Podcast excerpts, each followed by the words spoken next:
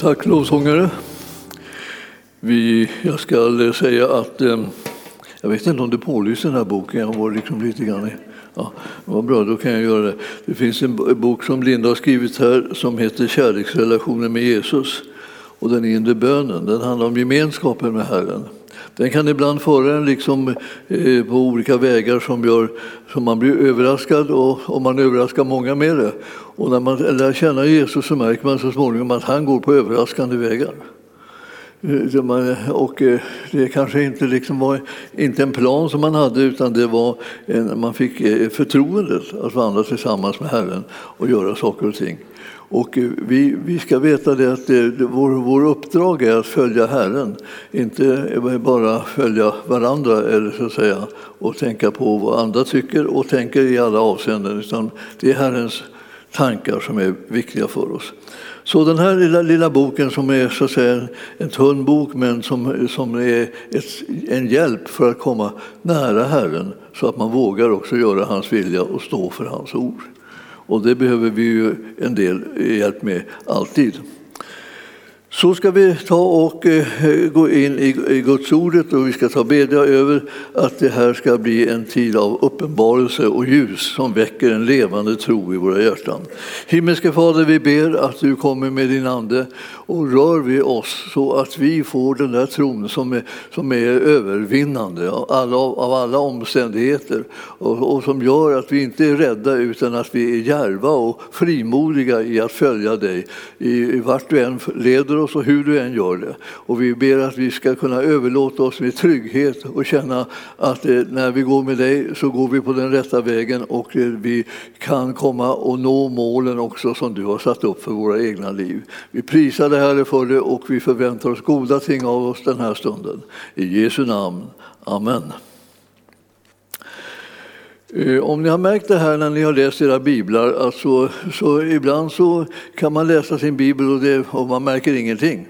Eh, och ibland så märker man att man märker någonting. Och, eh, och man blir liksom skakad av det som man märker. Man ser saker och man uppfattar ting som står skrivna fastän det här är någonting som man har läst så många gånger men plötsligt så syns det. Och, det här, och då kan det väcka en levande tro och då kan det få en att ta steg som man liksom inte hade riktigt kanske räknat med eller tänkt. Och eh, eh, det är, men de steg man tar är sådana steg som är, ska vara tillsammans med Herren. Eh, det handlar inte bara om att springa vart som helst liksom, bara för att du får ett ryck utan du ska lära känna Gud och ta de stegen som han leder dig till. Och det ska finnas så att säga, förankrat i bibelordet också det som man då talar om.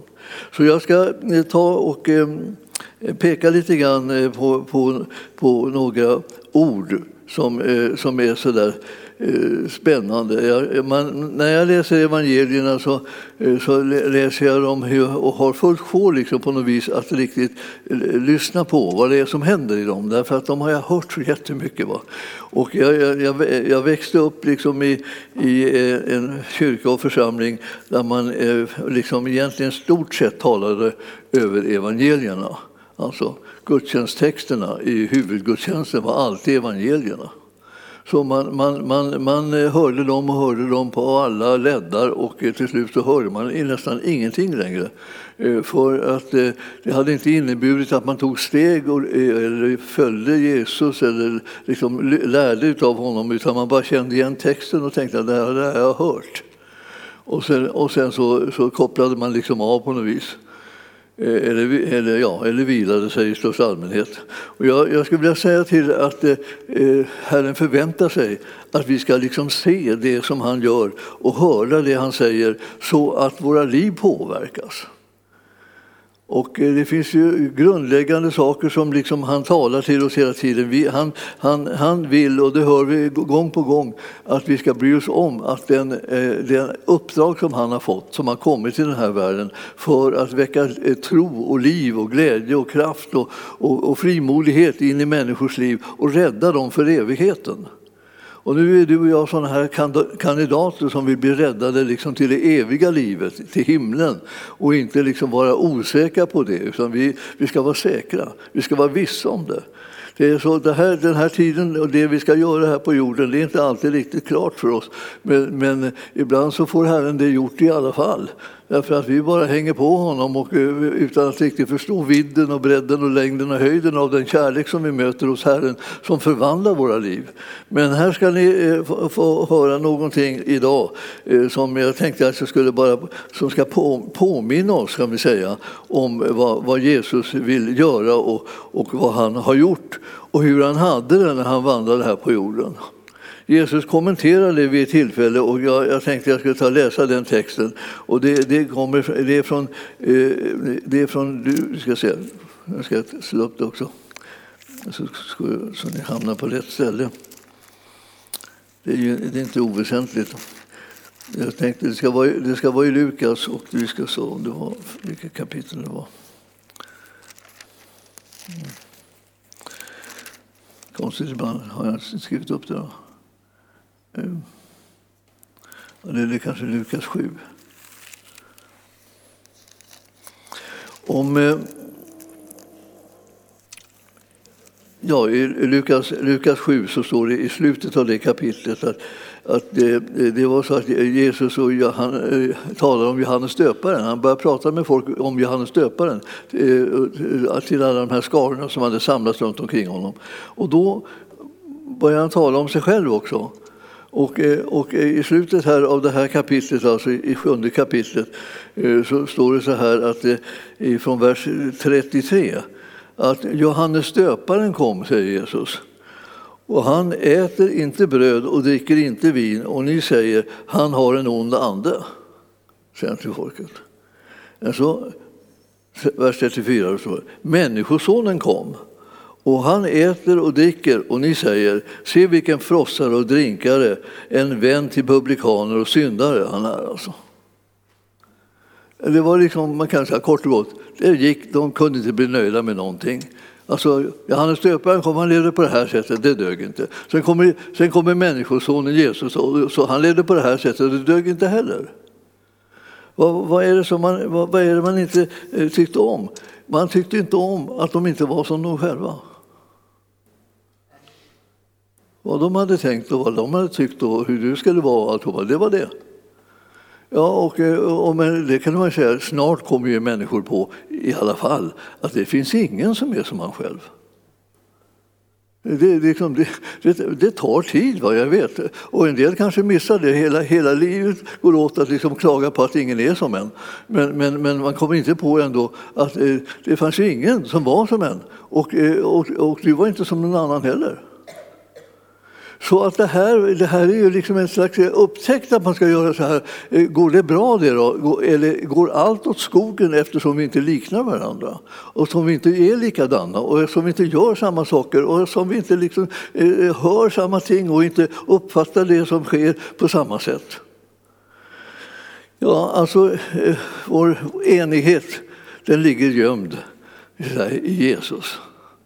Så när vi, när vi liksom så släpper in honom i vårt liv, oavsett vilka vi är, så kommer vi kunna också hitta hur vi kan sitta ihop och se att vårt liv har betydelse och, och är godkänt därför att vi gör det som Herren vill att vi ska göra. Och vi kommer att sitta ihop med de människor som Herren har fört oss ihop med och vi kommer att vara tillsammans med honom så att vi kan ösa ur den källa av kraft och härlighet som han har givit oss så att hans vilja blir gjord.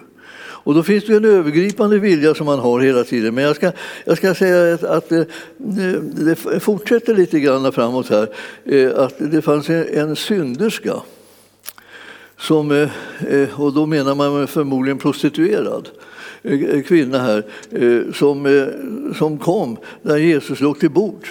Och då, då låg han alltså till bords. Alltså det var ju, det var ju med, med, med så att säga, på ett konstigt ställe. Liksom man kan säga. Vad, vad, vad menar Jesus med att ligga där nu då? För det första så hade man tyckt att, var, att han betedde sig fel liksom, och han, han, han var, som, var som människor är, är eh, mest liksom, och inte, inte något liksom, verkligt praktexemplar som de skulle kunna eh, likna. För han, bara, han åt och han drack och han, han var med folk hur som helst. Och så var fariséerna väldigt kritiska mot det. Men så visade det sig att en farisé bjöd hem honom. Och man undrar liksom, vad, nu då? Liksom, var det inte de som kritiserade? Ja, visst. Eh, var, var de inte konsekventa? Nej. Det är nästan ingen som är helt konsekvent, man får tänka så. Men här ser ni, står det så här att alltså, det fanns där alltså i staden en kvinna, står det i vers 37, där, en synderska. Och, när hon fick veta att han låg till bords i farisens hus så kom hon dit med en eh, alabasterflaska med olja. Och hon ställde sig bakom honom vid hans fötter och grät. Och med sina tårar så började hon att tvätta hans fötter och torka dem med sitt hår. Och hon kysste hans fötter och smorde dem med oljan. Och eh, nu, nu, nu vaknar farisén. Och ni kan förstå, liksom, det, liksom, det, det, det, han har inte liksom tänkt på att det skulle kunna bli såna här saker heller. Farisén eh, som hade inbjudit honom såg det och tänkte om den mannen vore en profet så skulle han känna till att vad det är, vad det är för slags kvinna som rör vid honom, att hon är en synderska. Och då, då säger Jesus till honom Simon, jag har något att säga dig. Simon svarade, Mästare, säg det. Två, två män stod i skuld hos en penninglånare. Den ene var skyldig 500 denarer och den andra 50. Eftersom de inte kunde betala så efterskänkte han skulden för dem båda.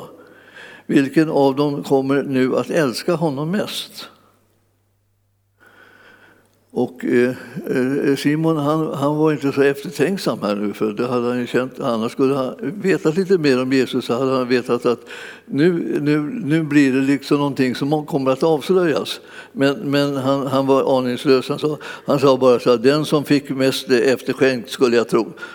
Och sa eh, Jesus, du, du har rätt. Och då tyckte han att här, nu, nu börjar det bli lyckat. Nu, nu, har, nu blir han godkänd i sina bedömningar här av situationen. Och sedan så vände han sig mot kvinnan och, och sa till Simon, ser du den här kvinnan? När jag kom in i ditt hus så gav du mig inget vatten till mina fötter, men hon har vett mina fötter med sina tårar och torkat dem med sitt hår. Du gav mig inte någon hälsningskyss, men sedan eh, jag kom in så har hon inte upphört att kyssa mina fötter. Du smorde inte mitt huvud med olja, men hon har smort mina fötter med balsam. Därför säger jag dig, hon har fått förlåtelse för sina synder. Eh, och det är bättre eh, det är därför som hon visar så stor kärlek. Men den som har fått lite förlåtelse älskar bara lite. Och ni vet att det, det här känns ju lite en aning känsligt nu. Och eh, man ska säga, eh, man kan ju inte säga att, liksom, att den som, man borde kanske tänka sig att det här ska betyda den som inser att den har behövt mycket förlåtelse. För det är många som eh, naturligtvis har behov av mycket förlåtelse men inte inser det. Och så finns det ju de som kanske inser så mycket av sin syndighet att de inte våga vända sig till honom som kan förlåta synder heller. Så det finns mycket små ställen som man kan gå fel i det här. Men här nu så fanns det då, eh, så sa han till den här kvinnan då, eh, mitt eh, inför dem allihopa, dina synder är förlåtna. Och då, då började det liksom mullra i hela salongen då för att nu, nu, nu var det, nu var det verkligt, verkligt läskigt här. Nu var det någon som säger att han kan förlåta synder. Alltså, då börjar de andra bordsgästerna fråga vem är den här mannen som till och med förlåter synder? Och, eh, men Jesus han, han eh, sa ingenting till dem. Han sa bara till kvinnan, din tro har frälst dig, gå i frid. Jag kände, kände, att den här texten liksom har liksom levande eftersom det, det, handlar så eh, vid flera tillfällen att det kommer kvinnor eh, och eh, kontaktar Jesus och omgivningen blir upprörd. Därför att eh, de tycker att han, om han vore en riktig profet och det vore riktigt, någon riktigt med honom, då skulle han genomskåda den här människan och inte låta den liksom peta på sig. För att han inte skulle bli eh, liksom, eh, vad ska jag säga, syndig av, av bara beröringen. Men ni vet att Jesus han har, har vandrat i den här världen, inte alls för att liksom akta sig för den, utan för att förvandla den. Och det tänker han göra genom att han möter den med kärlek och barmhärtighet. Och eh, eh, sina lärjungar kallar han att vandra på samma sätt. Att vandra liksom, och visa kärlek och barmhärtighet. Inte akta sig. Vad hände med dem som kom sjuka så de var, hade riktiga sådana sjukdomar som eh, människorna bedömde som jättefarliga sjukdomar och som ingen ville komma i närheten av? Alltså, jag tänker på de spetälska. Vad, vad, vad, hände med dem? Ja, när de kom till Jesus då, eh, och, och eh, så, så, eh, så rörde han vid dem och sa bli fri, bli frisk, bli ren. Och de blev rena. Han, han, han, var inte ute där för att liksom tillåta att de smittade honom, vilket var en otänkbar tanke. Utan det var han som, som förvandlade deras liv i mötet. Det är väl ungefär vad du hoppas också när du vänder dig till världen eller till sådana som är annorlunda, som inte tänker som du och inte, inte eh, lever som du. och, och sådär. Eh, du tänker att kanske jag kan ge någonting gott in i den här människans liv. Kanske jag kan dela med mig av någonting som kan förvandla den så, så att den, den, den, får hjälp och kraft och, och, så att kunna vandra med Jesus så som han tänker Ja, Ja, jag, jag, såg att så, det fanns, det fanns det flera stycken sådana här äh, situationer. Jag skulle gärna att ni gick med mig också till, till en annan här som är, som är, som är så här eh, fin på något vis. Och, och det är Markus 14. Eh, äh, och, och, här kommer också en kvinna med liksom en alabasterflaska och, eh, och, eh, och ska liksom smörja, eh, smörja Jesus. Och det är 14 kapitlet i, i Markus och vi ska titta på verserna 1-9 där. Det här är... Säga, vi har ju ett ärende. Och ni tänker ibland på det här hur vi, vår församling är så engagerad i att föra ut evangelium över hela världen. Eh, och eh, vi, vi, har, eh, vi reser till länder som är dominerade av andra religioner och andra livsstilar och allting. Och vi hoppas och tror att vi ska kunna i våra möten med dem så, så vinna deras förtroende och deras kärlek så att de vågar lyssna på vad vi har att säga och sedan kunna ta emot det. Eh, vi, vi, kan ju inte sitta här i Norden och bara säga att vi aktar oss för alla, alla länder som har främmande religioner, för det har ju nästan alla. Eller, eller att vi aktar oss för de främmande religioner som vi har i vårt eget, i vårt eget land. Eller bara människor som tänker och tycker på annat sätt liksom än vad vi just tycker. Vi, ska vi akta oss för dem? Ja, vi har ett ärende. Vi är utsända hela tiden med evangelium och vi har ett ärende som, som behöver, som kräver egentligen att vi visar kärlek och bryr oss om de människor som vi möter. Vi, har, vi, vi, får inte vårt ärende gjort om vi skulle bara gå ut och tala om för dem hur fel de har, hur mycket de syndar, hur förskräckligt de lever och ja, de har fått allt om bakfoten. Det är ju som att stänga alla dörrar och liksom sluta alla hjärtan. Utan vi, vi är ju kallade att gå ut i den här världen och visa kärlek och barmhärtighet. Och därför så eh, behöver man möta mycket kärlek och barmhärtighet också. Och vi som har tagit emot förlåtelse, eh, vi, vi, kärleken väcks i våra hjärtan och våra liv därför att vi har blivit förlåtna och blivit försonade med Gud. Och det är Jesus som har gett den där förlåtelsen och det är en ren nåd. Ingen av oss har förtjänat det. Allihopa har fått det oförtjänt. Och då börjar det spira liksom en kärlek till Jesus eh, i vårt inre och, eh, och också eh, till det uppdrag som han ger oss, nämligen att föra ut evangelium till människor. Alla slags människor. I all synnerhet liksom människor som vi tycker liksom egentligen att de har gjort det nästan oförlåtliga. Men Herren har ett ärende till dem. Och sen har han ett sändebud också. Och kanske en vacker dag kanske det är du som är sändebudet och som ska gå med ärendet. Och du ska visa kärlek så att du får ett, möta ett öppet hjärta. Och, eh, och kan därmed också ge av det goda som du själv har fått. Förlåtelse, upprättelse och barmhärtighet och, och kärlek alltså från Herren. Det här, det, här, det här är som viktiga saker för oss liksom för att inte eh, evangelium bara ska frysa fast i något litet hörn där vi sitter och har eh, monopol på det. Utan vi är naturligtvis hela tiden intresserade av att det ska gå ut över världen. Och jag, jag, tänkte på det, jag fick, läste nyligen en rapport från, eh, från, från eh, Kanada, Amerika, där i, vid gränstrakterna. Där vi, där vi håller på, vi har vi en missionär där eh, eh, ute och som håller på att arbeta bland indianerna. Och, eh, och hur, hur det visade sig liksom att hur många som hade blivit berörda när de haft möten och sådär.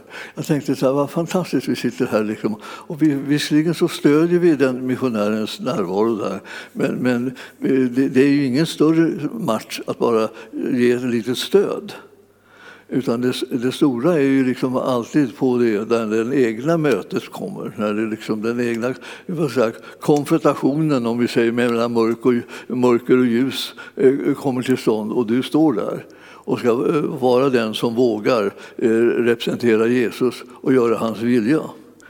Och det, därför så vill jag säga till dig, var, var, var, bered dig på att eh, tacka och prisa Herren för den nåd och den kärlek som du har fått av honom när du blev förlåten, när du blev född på nytt, när, när du blev mottagen eh, fastän du hade så många saker som inte var bra i ditt liv.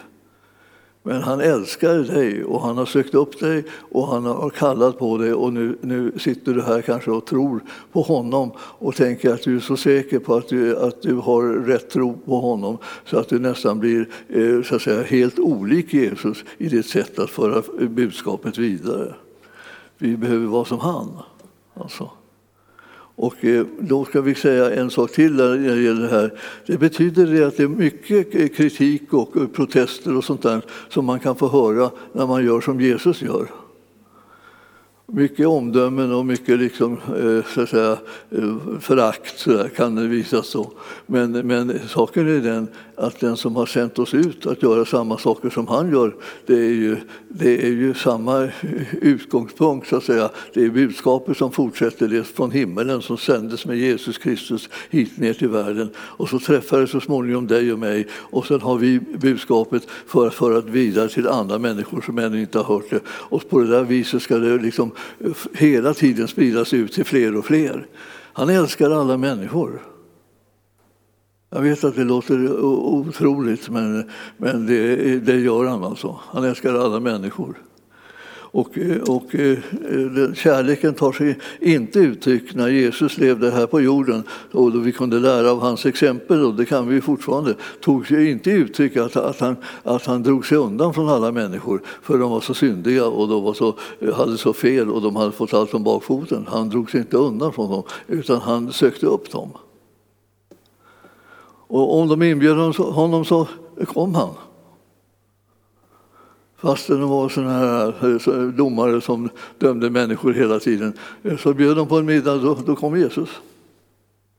Så den här farisén, han, han, han, han, inte riktigt, liksom, han betedde sig inte som han skulle heller. Men sen satt han ändå där och kritiserade Jesus när, när, när, när han väl var på plats. Om han hade varit en profet, ja, då hade han genomskådat det här, att den här kvinnan var liksom en, en oren kvinna. Liksom. Och, och i själva verket då så kan man säga att eh, liksom, Jesus visste precis vem hon var. Men hans ärende var inte att vara en domare, utan att vara en som frälser. Om du undrar vad du och jag har för arbete och varför jag har för kallelse så är det precis detsamma. Det är vi som ska föra ut budskapet om frälsningen i Jesus Kristus till andra människor. I alla situationer och i alla, alla liksom, typer av, av liksom, eh, grejer som, som gäller just det andliga livet så är det vi som ska göra honom kända. Och då behövs det liksom att vi talar och då behövs det att vi möter människor, då behövs det att vi gör sådana saker eh, som inte alltid liksom faller i god jord hos dem som inte tycker att de behöver något. Men det visar sig snart att det är liksom de som är behövande och har stora behov de kommer så småningom också att kunna uppfatta att de har mötts av en stor kärlek. Därför att Herren har förlåtit dem deras synder och han är villig att upprätta dem i deras liv och han är villig att bejaka dem och ta med dem in i sin familj och få en ingång också i det eviga livet. Visst är det fantastiskt fint? Alltså. Det finns så mycket kärlek som behöver komma ut bland människor för att rädda dem så att det går nästan inte att tänka att vi säger så här, ja, nu, nu räcker det. Det räcker inte, och det räcker ju aldrig någonstans. Utan det behöver hela tiden eh, alltså, svämma över åt alla håll och kanter. Därför att vi vet vilken kärlek vi själva har fått så är vi liksom öppna för att kunna ge vidare. Även till de som vi skulle bedöma liksom inte var värda det. Men det var ju inte vi heller när det hela började. Utan han, han har älskat oss innan vi var värda något. Och den enda räddningen för att kunna bli värd något är ju att man är en som är älskad av, av Gud. Hans kärlek gör att ens liv liksom blir viktigt, betydelsefullt och eh, viktigt att, att vara trogen mot den typ av liv som Herren har kallat oss in i. Ja, alltså... Eh, Ska vi ta och titta i första Johannesbrevet igen? Jag har liksom verkligen förälskat mig i detta brev eh, nu den här sista tiden. Jag har förstått liksom vad det betydde. Det var liksom, slog liksom in i mig mycket starkare än, än tidigare. Just eh, liksom bara på grund av livet, om vi säger så. Att livet plötsligt liksom ter sig liksom annorlunda. Och, eh, och, eh, och man känner att det, det var inte som jag trodde, bara liksom att, att alla tycker om att det finns kärlek. Det visar sig att det gör inte alla. Utan de tycker att det känns som att det är liksom något farligt. Eh, och, och det blir liksom osäkert då. Är det någon som älskar, vad kommer den att ta sig till då? då?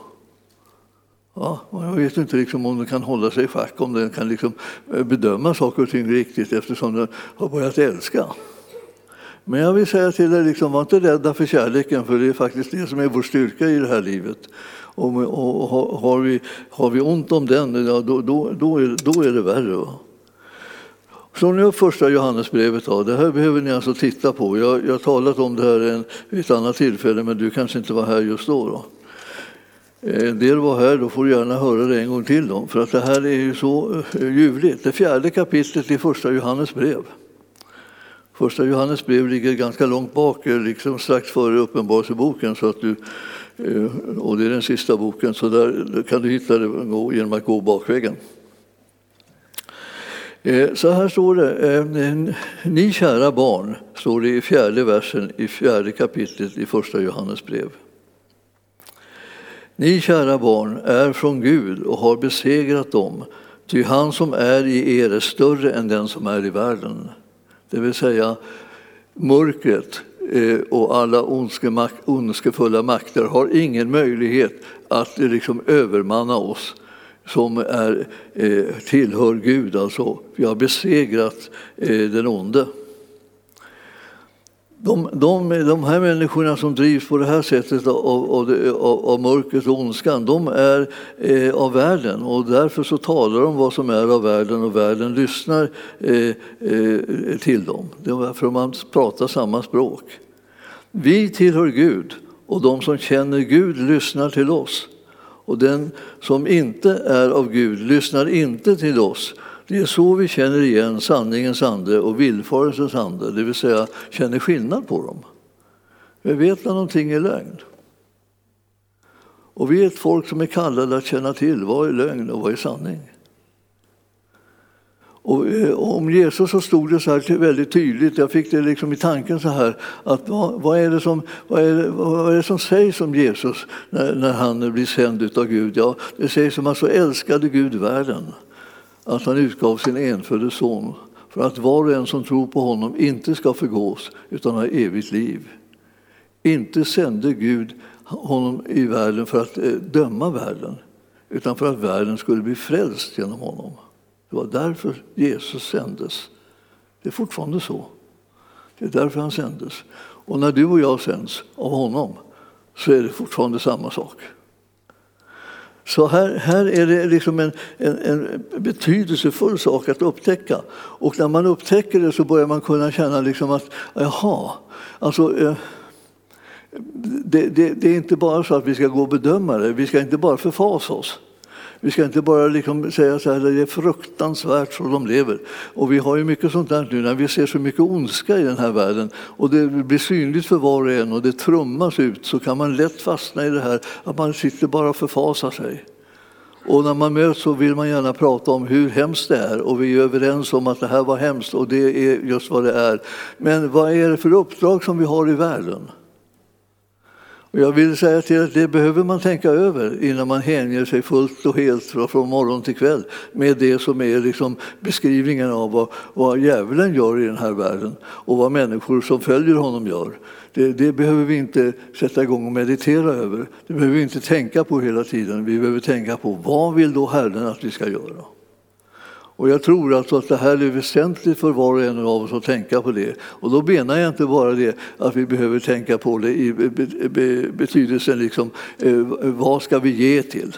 Utan också eh, tanken så här, hur ska vi leva i den här världen? Och vem ska vi representera när vi lever i den här världen? Det är det som är väsentligast. Väsentligast av allting. Allihopa ska vi leva och, liksom, och, och allihopa ska vi veta att en, en dag så kommer vi dö bort från det här jordelivet. Men, men vad är det som måste ske? Vad är det som vi behöver verkligen? Vi behöver få en levande tro på Jesus Kristus och leva tillsammans med honom och dela hans liv och vara och här och förstärka då evangelium så att det går ut till människor. Vi vet ju att det är det liksom viktigaste av allt. Det hindrar inte att vi delar med oss på olika sätt när vi kan det. Men det viktigaste av allt är att vi gör Jesus känd. Människor behöver honom mer än någonsin när, när världen är nästan osäker och tydligt för varenda en som lever i den. Att det här börjar vara skrämmande. Ja, det syns tydligt. Men varifrån ska vi få vår trygghet och varifrån ska vi få vår kraft att kunna leva ett liv som inte bara handlar om att vi hukar oss och aktar oss utan som handlar om att vi sprider någonting konstruktivt och härligt och kärleksfullt och starkt till människor som har fått mycket av sina liv krossade.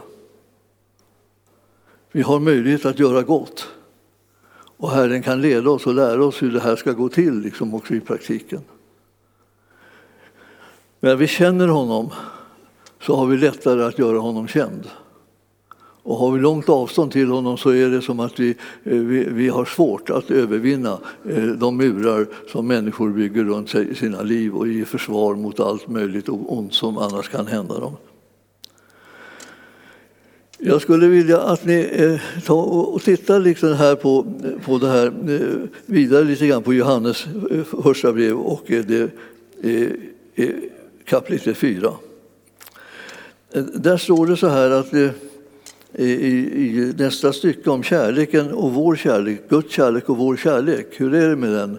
Hur, säga, hur mår den? Nästan ungefär så.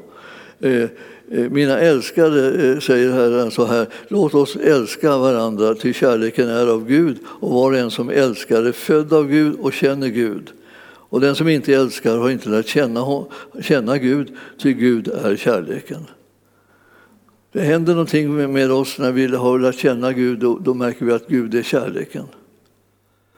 Och, och eh, tappar vi bort honom där på vägen och bara blir upptagen med annat så börjar vi tro att Gud är någon slags domare som jagar efter oss dag och natt och bedömer våra liv och väger oss och, och alltid väger vi för lätt. Men sanningen om honom finner man när man har djup andlig gemenskap med honom och känner honom utifrån Guds ordet så att man inte blir förvirrad och liksom tror att det är en helt annan person som man har att göra med än den här barmhärtige guden som har uppenbarat sig i Jesus Kristus. Han är Guds kärleksförklaring till dig och mig. Han har inte hållit något tillbaka. Det som han värderade allra högst någonsin var sin egen son och honom gav han till oss av kärlek till oss. Så ni förstår, det här är inte någonting, en kärlek som, som man behöver vara oroa sig för att den inte finns. Utan vi ser, har sett redan att den finns. Och vi vet liksom vem, vem som representerar honom eh, när han kom till den här världen och det gjorde Jesus Kristus. Han är Messias, den levande Gudens son. Och det är honom som vi älskar och ärar. Vers 8 står det, den som inte älskar har inte lärt känna Gud, till Gud är kärleken. Så det där kan vi säga, om ni känner att eh, kärleken liksom avtar eller tynar bort så behöver du gå in i tacksägelse till Herren för allt det som han har gjort för ditt liv så att du blir så att säga, uppladdad igen på nytt med samma kärlek som förut som eh, orkar med att också visa kärlek till människor som ännu befinner sig i djupare gropar än vad du just nu har hamnat i så uppenbarades Guds kärlek till oss. Han sände sin enfödde son till världen för att vi skulle leva genom honom. Kärleken består inte i att vi, eh, eh, eh, vi älskat Gud utan att han har älskat oss och sänt sin son till försoning för våra synder. Det här är så jätteklart och står så svart på vitt så att vi behöver inte undra om vad det är vi ska engagera oss i. Vi ska inte engagera oss i att gå omkring och väga alla på våg och eh, liksom tala om för dem om, om de väger för lätt. Utan vi är här för att komma och meddela att eh, Herren har så älskat oss i den här världen att han har sänt sin son för alla människor för deras frälsning. Du behöver, inte liksom, du behöver inte testa en enda en. Varje människa är en kandidat för att ta emot den här kärleken som Gud har till dem. Och han har sänt sin son till försoning för våra synder. Alltså. Och i, i tolfte versen står det, ingen har någonsin sett Gud. Om vi älskar varandra förblir Gud i oss och hans kärlek har nått sitt mål i oss. Så målet med hans kärlek i oss är att vi ska älska varandra. Det betyder inte bara att vi ska försöka älska varandra i församlingarna. Då. Och försöka, ja, då tänker man ja, jag håller mig till dem som jag kan älska lätt. Eller, eller så Utan älska alla liksom, eh, i församlingen. Ja det, ja, men det räcker ju inte. Han vill ju sända det ut till de som inte tillhör församlingen än för att de ska ha möjlighet att komma också och bli frälsta och komma in i Guds församling. Så att det här, han omfattar hela världen. Han vill dra in det i det projektet, hela världen. Och, men, och då, då, vill man helst liksom tänka på det här liksom i, i, bara som om det vore en kallelse på var och en enskild, att du måste åka ut i hela världen. Men det måste du inte. Men du måste vara med bland de människor som har fått det gemensamma uppdraget att nå hela världen och skapa förutsättningar för det tillsammans med Herren och tillsammans med dem som Herren älskar så att ni kan samarbeta och, och se till att ni når ut åt alla håll och kanter. Det finns ingen människa som inte är med bland målen för den kärlek som Herren har till människor. Du behöver inte ta på dig hela världen eh, själv. Alltså, det finns ju en annan sådär som nästan har den tendensen. Men de flesta har väl liksom motsatta tendensen mera, kan man säga. Att eh, de tänker, det kan inte gälla mig. Jag har ju så mycket, så mycket liksom redan så. Så att man liksom inte drar sig från den här stora gemensamma uppgiften. Men den stora gemensamma uppgiften som vi har att föra ut evangelium i den här världen, den hänger ihop med liksom det att Herren vill att vi ska utgöra hans kropp i den här världen. Och göra hans vilja. Och då är, då är det liksom ingenting som han har tänkt att vi skulle göra själva utan vi sitter i en enda kropp. Och vi alla troende, alla de som har uppfattat kärleken från Gud ska kunna tillsammans se till att evangelium når ut i hela världen. Vi kan inte stryka stora mängder av människor bara för att de inte passar oss just. Utan vi måste tänka alla måste vara med för att världen ska bli frälst. Och då står det här att den, den kärlek som Herren har den kommer att göra dig och mig så starka att vi kan övervinna och vi kan stå emot frestelser och vi kan omintetgöra mörkret därför vi är tillsammans också världens ljus därför att vi representerar Jesus i den här världen. Jesus har kommit och han är världens ljus och han säger och ni är världens ljus. Så vi får reda på att vi, vi, meningen är att vi ska eh, vara sånt ljus tillsammans med Herren att vi om inte gör mörkrets gärningar.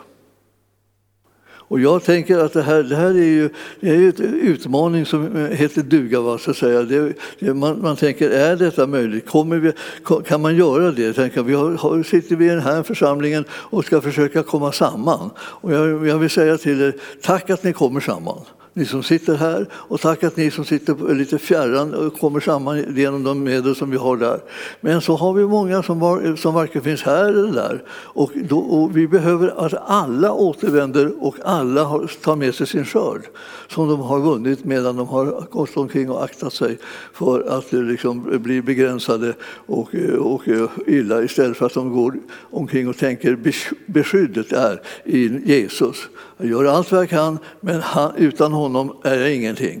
Så därför så behöver jag liksom alltid tänka han ska hjälpa, han ska rädda, han ska bevara oss. Och han kan också vara den som bidrar till att vi kommer att tillfriskna om vi har blivit dåliga. Alltså, det här med att se, som står i tolfte versen här, ingen har någonsin sett Gud. Alltså, det är inte det som vi kan hänvisa till, att vi har sett Gud. Det händer att människor har fått eh, skymten av honom och hans gärningar på ett sådant sätt att de aldrig blir de samma mera. Men jag menar, det kan man också bli genom att bara han talar ett ord in i våra hjärtan, in i vårt liv. Eller rör vi någonting som eh, vi har bett för väldigt länge och, och du ser en bönhörelse bli en verklighet. Alltså kan skaka om hela din tillvaro. Om vi älskar varandra förblir Gud i oss. Och det behöver vi. Att han är närvarande i oss och han som är starkare än allt annat är den som kan bevara oss. Och hans kärlek har nått sitt mål i oss genom att det här sker. Så låt den där kärleken nå sitt mål så att du kommer att kunna vara representanten som älskar. Jag tänker ofta på det, liksom att här, eh, när, långt om länge så fick jag klart för mig liksom, att om, tillsammans med Jesus så, så går ju liksom helandet eh, från den troende till den, den icke troende eller till den sjuke. Man kan, man kan, man kan se liksom att strömmen går liksom från eh, helandets källa ut till dem som ännu inte har nått den källan. Och, eh, och eh, nu är det du och jag som förmedlar den genom att vi rör oss bland människorna. Vi, vi alltså får, får, reda på det här att den här kärleken som Gud har till människor den kommer att göra dem så gott så att de vågar leva, de vågar ta ett steg, de vågar inbjuda Jesus och de vågar liksom, eh, tänka att det här är, är nog lika bra som det låter. För nu talar Herren, Herren genom sina sändebud om den fantastiska gärning som, som Jesus har gjort, alltså då han, han dog och uppstod för oss. I det här så är, så är nu alltså själva kärleken, den har nått sitt mål. Och vi är frimodiga på domens dag, ty sådan han är, sådana är också vi i den här världen. Och jag, kan inte, jag vet inte, man vågar nästan inte säga till människor, men det gör jag ändå nu då, eh, att, att du ska tala om dig själv på det sättet. Alltså sådan han är, sådan är också du i den här världen. Så att du kan säga sådan är jag i den här världen, sådan han är. Därför han har tagit sin boning genom sin ande i mitt hjärta. Och han, jag har blivit en helig andes tempel, både enskild som individ men också alla vi tillsammans också. Och vi behöver vara så att säga, goda och eh, eh, kärleksfulla och vänliga mot eh, den kropp som vi tillhör. Det finns ju människor som ibland som liksom blir förtvivlade över sin egen kropp och vill liksom nästan som förstöra den med vilje. Men Herren, Herren, vi är inte förtvivlade över den kropp som vi har tillsammans utan vi måste tänka att den här kroppen är den stora möjligheten till att välsigna ut över hela världen. Och den har vi genom att vi tillsammans utgör lämmar i den kroppen. Så eh, sätt din skuldra till och hjälp till med det som Herren har lagt ner i ditt liv, för det behövs alltihop. Det är inte så att en del inte behövs utan bara ska stå och titta på eller, så, men, eller heja på eller någonting annat sånt här konstigt beteende. Det är inte livets mening. Livets mening är att leva ut det som Herren har placerat in i våra hjärtan, hans egen närvaro, så att vi gör de uppgifter som han har rustat oss för. Så ska vi gå till den eh, sextonde versen. Och jag, har, eh, jag känner hela tiden så här att det blir liksom mycket mer att säga inom det här området än jag riktigt får ur mig nu. Då. Men alltså, vi har lärt känna den kärlek som Gud har till oss och tror på den. Och, så, och, och jag vill säga om den meningen liksom, att det, det är det som är sant. Det är vår bekännelse. Det är min bekännelse, det är er bekännelse, ni som är kristna, eh, att det är så. Och ni som längtar efter att bli kristna börjar ana att det där är ju någonting som jag också skulle kunna få säga om mitt liv, om, om jag bara liksom erkänner och inbjuder Jesus i mitt hjärta. Alltså, eh, vi har kommit till tro på den. Och Gud är kärleken och, och den som förblir i kärleken förblir i Gud och Gud förblir i honom. Så det här är inte liksom så här, det trillar inte av eller trillar bort bara liksom när man absolut inte vill att det ska göra det. Utan man, man, man har överlåtit sitt liv till Herren och man släpper aldrig taget. Man bestämmer sig för att jag släpper det aldrig. För det är liksom det som är meningen med, med vår koppling till Herren, att vi inser att något dyrbarare än det kommer aldrig att hända oss och vi släpper aldrig ifrån oss det, för det är vår enda försäkran att vi ska kunna komma in i det eviga livet. Och det här, så, I det här så är kärleken eh, sån att den har nått sitt mål hos oss. Vi är frimodiga på domens dag. Vi är frimodiga på domens dag. Ja, jag har sett många bibelställen som har börjat tala om att eh, vi kommer inte under någon dom. Men man kan ju få, det finns en lönedom också, som man säger, och eh, Herren belönar sina egna gåvor, så att säga, sina egna gärningar i våra liv. Belönar han också att, att vi har bara låtit honom få göra det genom oss. Vi, vi ska ställa oss till hans förfogande. Han, han har räknat med att verka i och genom oss i den här världen. Och då, när vi lever, då ska vi ska bara avslutningsvis säga till dig, när du lever i den här världen så, så, så ska du tänka att eh, vi älskar därför att han först har älskat oss. Så du behöver inte fråga dina syskon så här, hur kan du älska den och den, hur kan du älska den och hur kan du kan vara med den. Och så här. Du behöver inte fråga sådana konstiga frågor. Den som gör att vi kan liksom vara, älska varandra, det är den kärlek som vi har mött hos Jesus. Det är ingenting annat. Och den är den vi ska sprida och det är den vi ska bära eh, med oss i våra liv överallt. Och det betyder inte alls att vi liksom är likadana, inte att vi tycker likadana, utan att vi har eh, en Herre som är en källa eh, som vi aldrig sinar när det gäller kärlek. Och vi ska inte heller sina på det området. Så älska dina medmänniskor och framförallt älska din Herre och din Gud som har gett sitt liv för dig. I Jesu namn. Amen.